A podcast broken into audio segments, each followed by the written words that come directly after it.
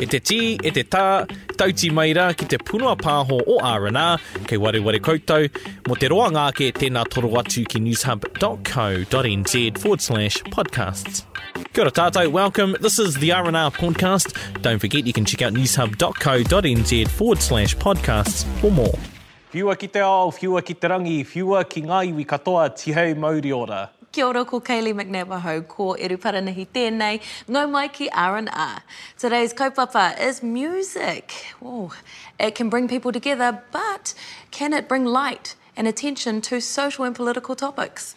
Otirā, tēnā tātou, ā, tuatahi, ā, tēnā koe Rei, ā, tēnā koe, ā, Pere, ā, kei te mōhio au he maha ā kōrua pōtae, ā, e mau i a kōrua, you guys have many hats within this industry, the entertainment industry, so Rei, tīmata ki a koe, tēnā whakamārama mai, ā, he aha āu tūranga i roto i te ao pū, ā, i te ao pūoro, i te ao waiata, what are your, some of your roles within music, just whakamārama mai to us.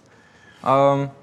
Ko te tuatahi he kai whiu kupu ahau, he rapper, he kai rapi, he kai waiata hoki, he kai hanga puoro, he producer, ae, kei te hanga puoro mo nga kai waiata atu, hei ko Pere tetahi, ae.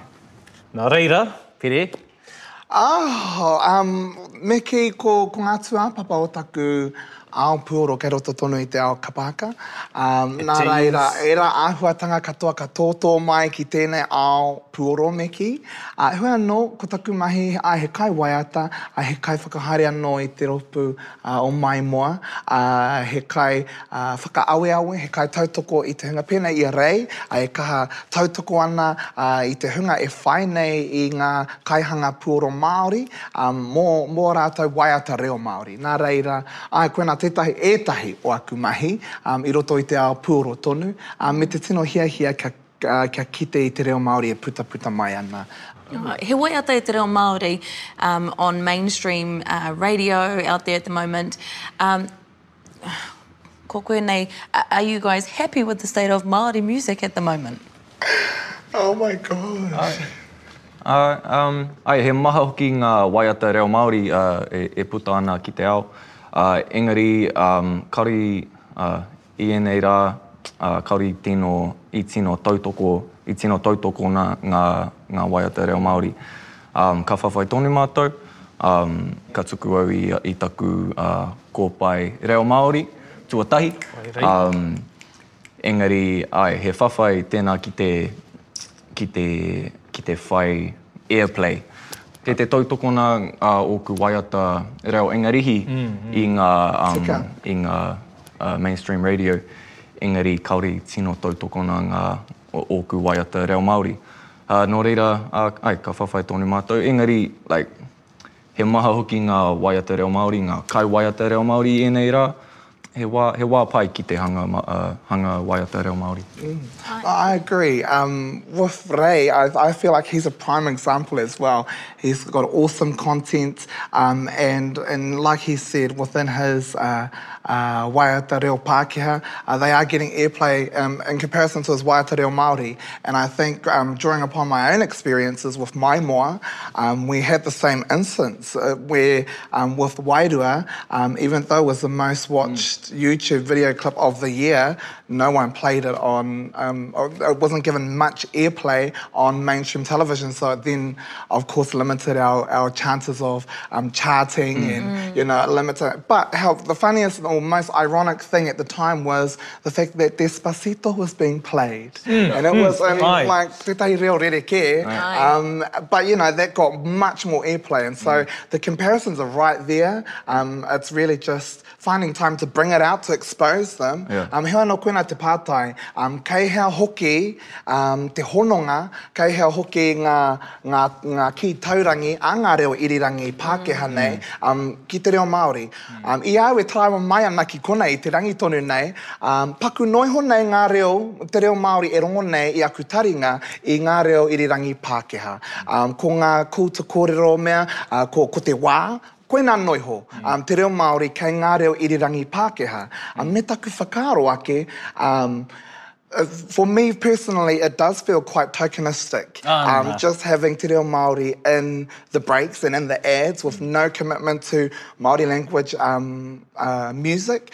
So going back to your question Kaylee, when you talk to me about the state of Māori music, oh kei te. Ora rawa atu, me taku mōhio, ko ngā whānau Māori, ngā, ngā whānau hiakai ki ēnei waiata reo Māori, um, there are so many like Māori kids and Māori families trying to bring their family up um, in te reo Māori music, with te reo Māori music, um, and I know that the, the hiahia is there, um, but whether or not those broadcasting platforms like mainstream radio are making those commitments to deliver te reo Māori,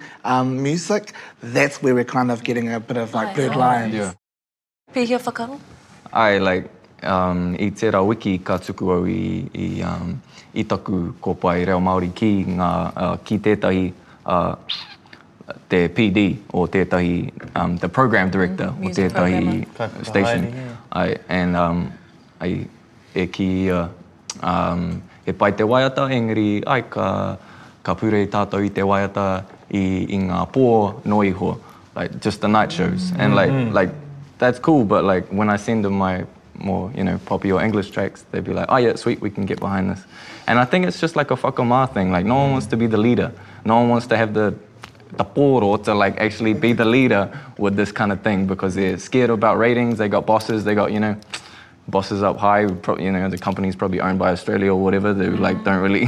well, some some would say that um, Maori music, inga waiata o Maori, e te reo Maori, actually doesn't hold up to the level that ngā waiata o Aotearoa actually has. So that it sounds a lot different. Mm. Some would actually say that Māori music doesn't fit that level of the rest of the music that has been played out there. He kaka tēnā whakaaro. Ai. Ai, hei, hei, um, uh, ko wai te, te kai hanga pōro mō, um, mō Maimoa? Ko Matt, mm. ne, ne.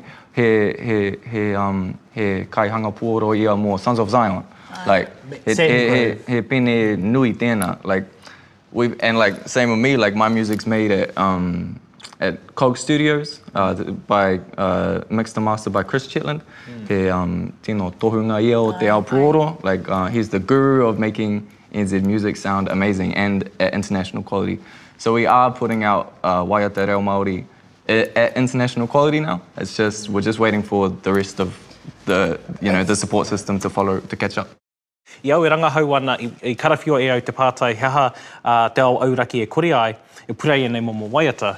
Tētahi o ōku nei hoa, he Māori ia, e mahi ana ia mō te, i roto i te ao Māori me tāna ki ahau, he ōrite ngā momo waiata ki ngā waiata kapa haka. Koina te take kāre te nunga e ui. Frankly, I think that's bullshit. But, um, he aha a koroua whakaaro e pa ana ki tera, he orite enei o koe, he, he momo take pea tera? He's, he's right and I don't think there's anything wrong with that. Mm. What's the wrong, what's, what, he aha te he o te mm. hangai, o te kapa haka ki yeah. ngā waiata Māori? That's part of our culture, that's part of who we are and I think not all songs do directly sound like kapa haka but I do acknowledge the songs that do have um, I guess foundations or re references of kapa haka in them and we've noted that those are actually the songs that have been rating. We look mm. at the only song in Te Reo Māori that has charted at number one, Poie. Yeah. What is that? That's Pātea Kapahaka Club, Oh, mm Ara Tonu Ngā Hua. So mm. there's examples in our own music history. Mm. I think, like, like I said, it's a willingness It's a willingness to make that change and to make that start um, because we've seen the, the complete development and, I guess, um, improvement of Māori um, language, music, quality. Uh, pihi o whakaaro, Ray? Ai, he, um, he whakaaro pai tēnā. Um, te, te whakaaro ka huna tātou, uh, i ētahi wā ka huna tātou i, i, i tō tātou Māoritanga. Uh, titiro ki uh, ai, uh, He maha nga nga waiata Maori i Aotearoa like look at the NZ music awards he maha nga kai nga nga kai waiata Maori like six sixty, Sons, Kings um you know but for some reason um ae ka huna ratou i i o matou Maoritanga. Tika, well, mēnā ka whakamahia ko Sic Sixi hai tauira ake, he aha tēnā e mea te kaiwaiata Māori, otirā te waiata Māori. He waiata nā te kaiwaiata Māori, he waiata i roto tonu i te reo Māori. E he rerekē ērā mea e rua. Nā reira, e kite tonu nei au i ngā kaiwaiata kounga nei, pēnei i a Kings, Ā, pēnei i a 660 kua puta te ihu ki roto i te ao puoro, ā, hoki mai ana ki a, ki a mātou e whai tonu nei kia whai wāhi ai ko te reo ki roto i te ao puoro. Nā reira, e ora ana ko ngā kaiwaiata Māori, ā, he kounga te ao waiata Māori, ā, nā ngā pēne, pēnei i a 660, i a Kings mā. Ā, heoi anō, ko te tino wānanga i konei, Kei hea hoki te reo Māori i roto i tēnei ao waiata i Aotearoa nei? Me tā mātou whakapono, ko te tino wāhi e kore nei koe e tino rongo, e kaha rongo nei i te reo Māori, ko ngā waiata, ko ngā reo irirangi Pākehā. Nā reira, arā tonu. te, te whakaaro, me pēhea e tini ai te whakaaro a, a ngā kaiwhakahaere, ā, e mōhio tonu nei, i tēnei wā tonu, ngā take kaikiri, ka, ka, kātahi anō ka puta i Amerika, ā, e huri ana te ao, e huri ana ngā whakaaro ki tēnei mea te mana motuhake, te mana ā, tangata taketake, tangata whenua, tangata mangumangu, ā, ērā āhuatanga katoa. Ā, nā reira, ko te tino whāinga ināianei me pēhea e, e, e tuku atu ai i te reo Māori, ā, ki tā kōrua wāhi mahi. Me taku whakapono, me taku mōhio hoki, ko ngā tatauranga ka tae atu, ā, ki ngā charts me kī, ehara i te mea ka, ka kohia ko ngā tatauranga o ngā reo irirangi ā-iwi, engari ko ngā reo irirangi Pākehā nei. Ko ngā tatauranga ka rau atu ki tō whakatakoto i roto i te Top 40 Charts. Nā reira, kua mate kē mātou, ngā kaiwaiata kaha ki te tuku i te reo Māori ki ō mātou waiata, kua mate mātou ki te noho ki raro, ki raro i ngā waiata nō iwi kē. He kei hea ngā Māori music programmers?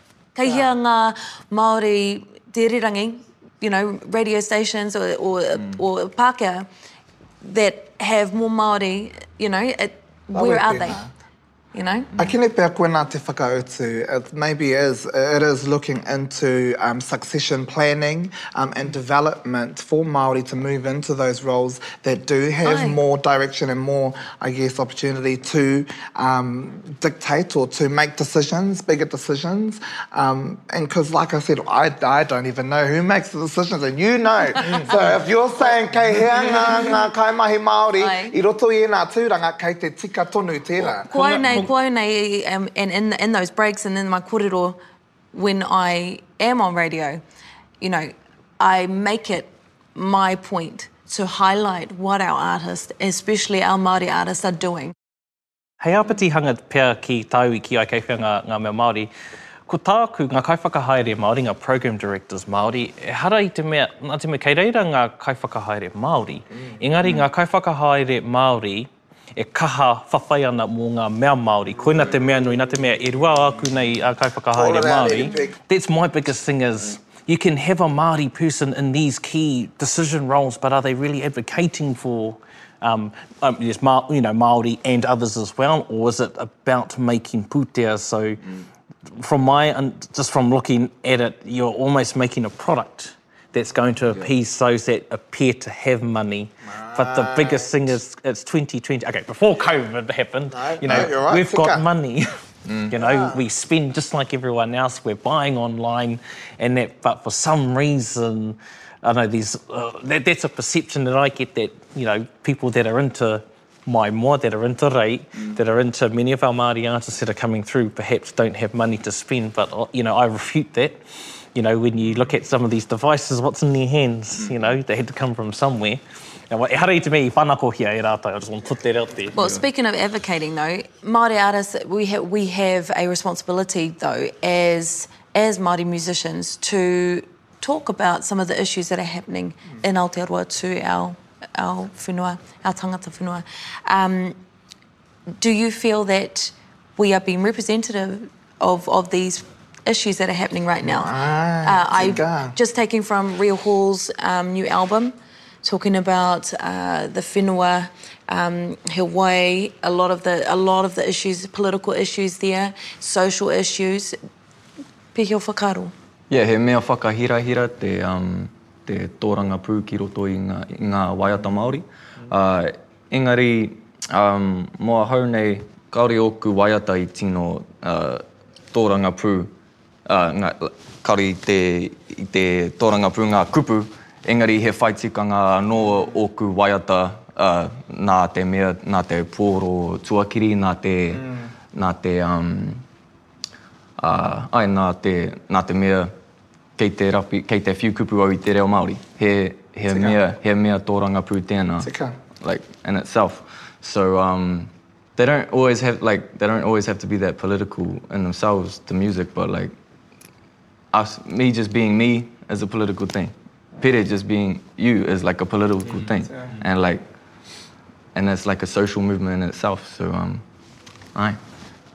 Āe, e tautoko ana, ā, hei tauira ake, ā, mō roto tonu mai i a Maimoa, ā, ko te tino whāinga, ā, e tekau, tekau noa iho o mātou ngā mema, ko te tino hiahia kia hāngai ia mema ki tētahi tamaiti Māori, ā, o te hapori whānui tonu.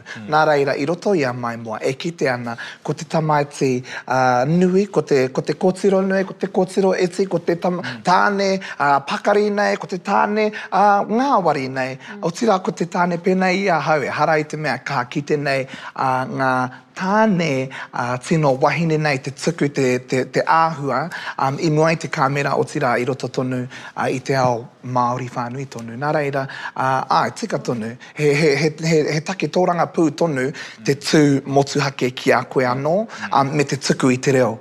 Do you think that there needs to be more avenues for Māori musicians to be able to use their musicianship as a platform? Um, it is not. I, I, reckon it is the avenues, but it's also um, um, creating pipelines for um, up and coming artists as well, who are, who are not necessarily. So I know that um, there's very few I would I believe at this stage very few examples of um, Māori language musicians out there today. Um, and I know there's heaps, but I don't believe that that's enough. I, I believe that there should be more. Nā reira, ko te tino hiahia, um, kia whai i tētahi rautaki, tētahi ara e puta ai um, te ihu a ngā kaiwaiata hou. e ara mai ana. Kātahi. Ka rua, mō te hunga kei roto tonu i te ao waiata i tēnei wā tonu, ko te kimi i ngā kamupene nui, I mean, I don't mean to sound, Karawhiua mai e hoa nei. Well, it's more so like opportunity, I guess. just imagine if we had labels um, hiring Māori language artists, if, if, labels like Sony come through, um, because we know that they are also having commitments, they have relationships as well with, um, with mainstream um, radio stations. Um, so even have, showing some kind of uh, commitment in that area. So if TMP, New Zealand or if anyone committing to Te Reo Māori and music funding want to just match up with all of our labels as well and find rautaki there, because I feel like... Yeah um, that in itself will create avenues and bridges as well that have already been created. Mm. Um, and so, really, it's just linking our Māori musicians to those pipelines. It's almost like a mentorship program as well. And, mm. um, you, you know, you get it in other uh, wahanga and other industries as well, where you get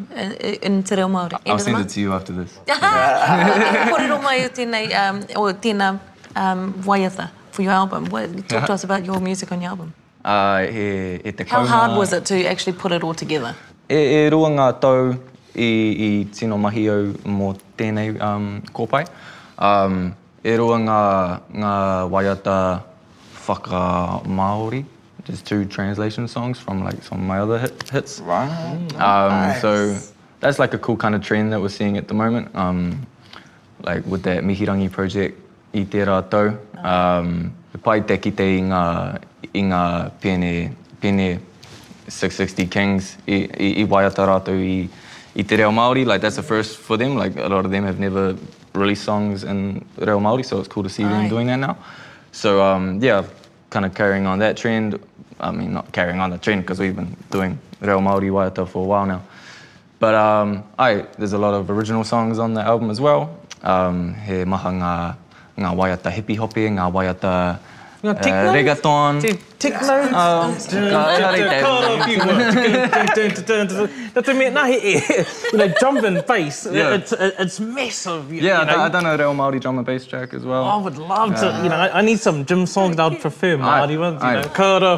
ae he pai pai oku waiata mo te um mo te whare hākinakina. Mō te jump, um, yeah.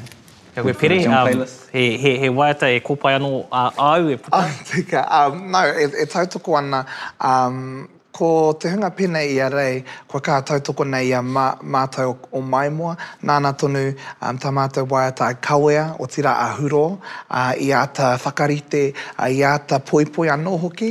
Um, heoi anō, um, kino te putanga o te kōpae o uh, Maimoa, a Korongo Maiwhiti, He kaupapa anō tērā, nā reira, e 11 ngā waiata, 11 ngā kiriata, 12 ngā terenga, ngā hōtaka i roto i te terenga Waiata Nation. Heoi anō, ko te tino hiahia ināianei kia aro a Maimoa ki te motuhaketanga o tēnei taonga. Mōhio tonu mātou, ehara nā mātou tēnei taonga a Maimoa, nā te iwi tonu. Ngā kōrua collaboration? Āe! Plug, plug. E ōku tuakana, kua pau te wā ki a tātou, engari ki te mōhio au, kua tukuna kētia e kōrua, a kōrua Kōpae, Rei, you've got a brand new album, name and where we can find it? Ko Hoia te ingoa, haere ki Spotify, Apple, Aporo, Um, um, ai, ko te, ko te tūmanako, uh, ka rongo koe pia i, i ngā waiata, i, te, i, i ngā reo irirangi hou, oh, mainstream. Ka pai. uh, Pere, he kōpae hou tāu i, i, i, i, i, i ka, tēnā whakamarama mai. Ah, tēnā whai mai um, aku uh, kōtui papori, Avatar Pere, A-V-A-T-A-A-R Pere, i runga i ngā kōtui papori katoa. Tēnā koe e ōku tuakana. Ā, nā reira koutou ki te kāinga, he aha te kai a te rangatira, he kōrero, he kōrero, he kōrero, he aha te kai a R&R? He muramura, he muramura, he muramura, mā te wā. He muramura, he muramura, piki whara tō taiaha, he muramura. I don't know the words in between. He mea tautoko nā te māngai. Hai pāho. You've been listening to the R&R podcast. Go to newshub.co.nz forward slash podcasts to hear more. Kua whakarongo koe ki te punua pāho o R&R?